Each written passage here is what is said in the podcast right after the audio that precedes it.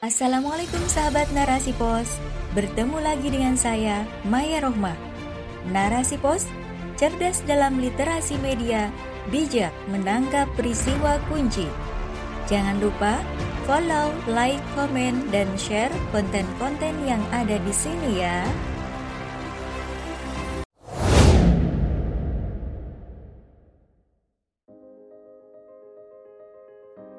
Child Free Perangkap Jahat Penghancur Umat oleh Caya Yuliarti SS. Istilah child free mendadak viral setelah YouTuber Gita Savitri mengungkapkan pilihannya untuk tidak punya anak. Hal senada juga diungkapkan artis cinta Laura yang lebih memilih mengadopsi anak daripada memiliki anak sendiri karena kondisi bumi yang sudah overpopulasi. Cinta dikenal cukup vokal menyuarakan hak-hak perempuan, bahkan pernah ditunjuk sebagai duta anti kekerasan terhadap perempuan.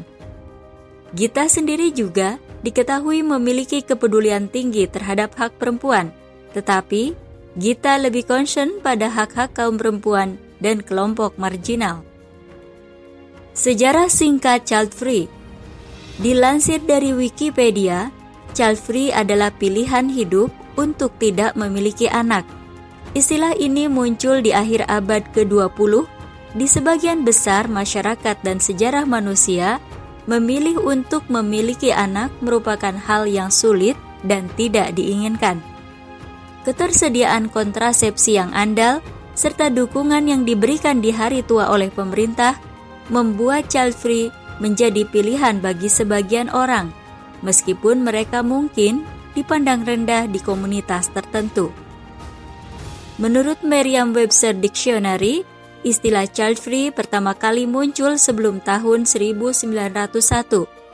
Fenomena ini muncul sebagai tren dan penggambaran orang tua dengan skeptisisme.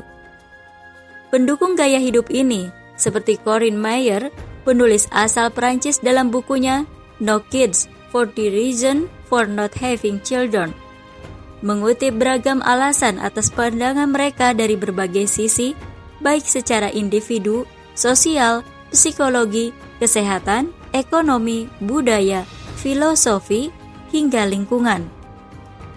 Beberapa hal yang melatar belakangi antara lain sudah banyak tanggung jawab sosial dan keluarga, masalah keuangan, masalah kesehatan atau kelainan genetik, ketakutan akan perubahan fisik akibat kehamilan, kesadaran akan ketidakmampuan untuk menjadi orang tua yang sabar dan bertanggung jawab, adanya pemikiran bahwa tidak bijak memiliki anak, sementara di luar sana banyak anak terlantar, kepedulian akan dampak negatif lingkungan akibat overpopulasi, lebih mementingkan karir, dan lain sebagainya.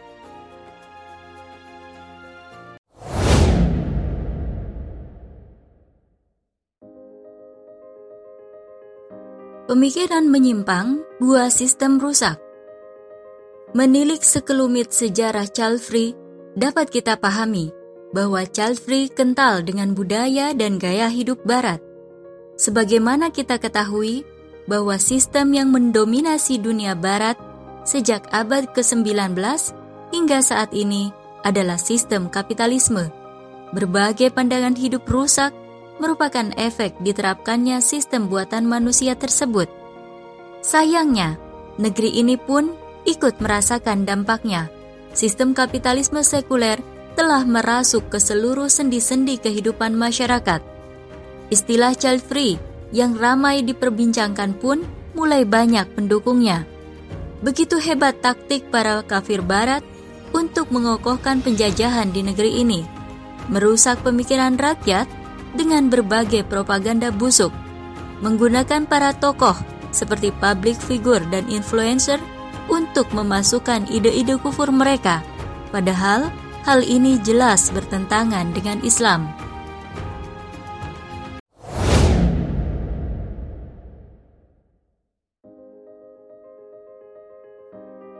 Pandangan Islam Dalam Islam, Salah satu tujuan pernikahan adalah melestarikan keturunan. Bahkan Rasulullah Shallallahu Alaihi Wasallam membanggakan umatnya yang memiliki banyak keturunan.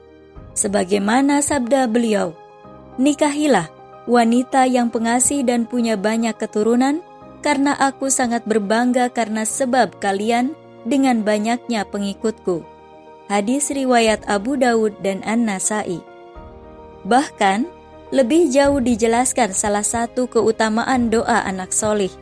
Dari Abu Hurairah radhiyallahu an, ia berkata bahwa Rasulullah Shallallahu alaihi wasallam bersabda, "Jika seseorang meninggal dunia, maka terputuslah amalannya kecuali tiga perkara, yaitu sedekah jariah, ilmu yang diambil manfaatnya, atau doa anak yang solih. Hadis riwayat Muslim. Hadis lain menjelaskan tentang syafaat dari anak yang meninggal dunia. Dari Anas bin Malik radhiyallahu an, dia berkata bahwa Nabi Shallallahu alaihi wasallam bersabda, "Tidaklah seorang muslim yang ditinggal wafat oleh tiga orang anaknya yang belum balik, kecuali Allah akan memasukkannya ke dalam surga karena keutamaan rahmatnya kepada mereka. Hadis Riwayat Bukhari Oleh karena itu, sebagai seorang muslim, kita tidak boleh sembarang mengambil keputusan. Semuanya harus didasarkan pada hukum Allah, berpegang pada Al-Quran dan Sunnah, segala sesuatu tidak diputuskan atas dasar nafsu semata atau bahkan dari ide-ide kufur. Jangan mudah terjebak dengan berbagai propaganda kafir barat untuk menghancurkan generasi muslim. Bisa kita bayangkan bagaimana nasib umat jika banyak orang Islam menganut paham child free, duka dan nestapa tak berujung. Sekarang saja, kondisi kita seperti buih di lautan Walaupun umat Islam mayoritas di dunia, nyatanya kita menjadi umat paling terhina dan tertindas. Inilah urgensi diterapkannya sistem Islam di bawah naungan khilafah. Hanya sistem Islam yang mampu meluruskan pemikiran umat yang menyimpang dan menyelesaikan seluruh problematika kehidupan. Wallahu a'lam bishawab.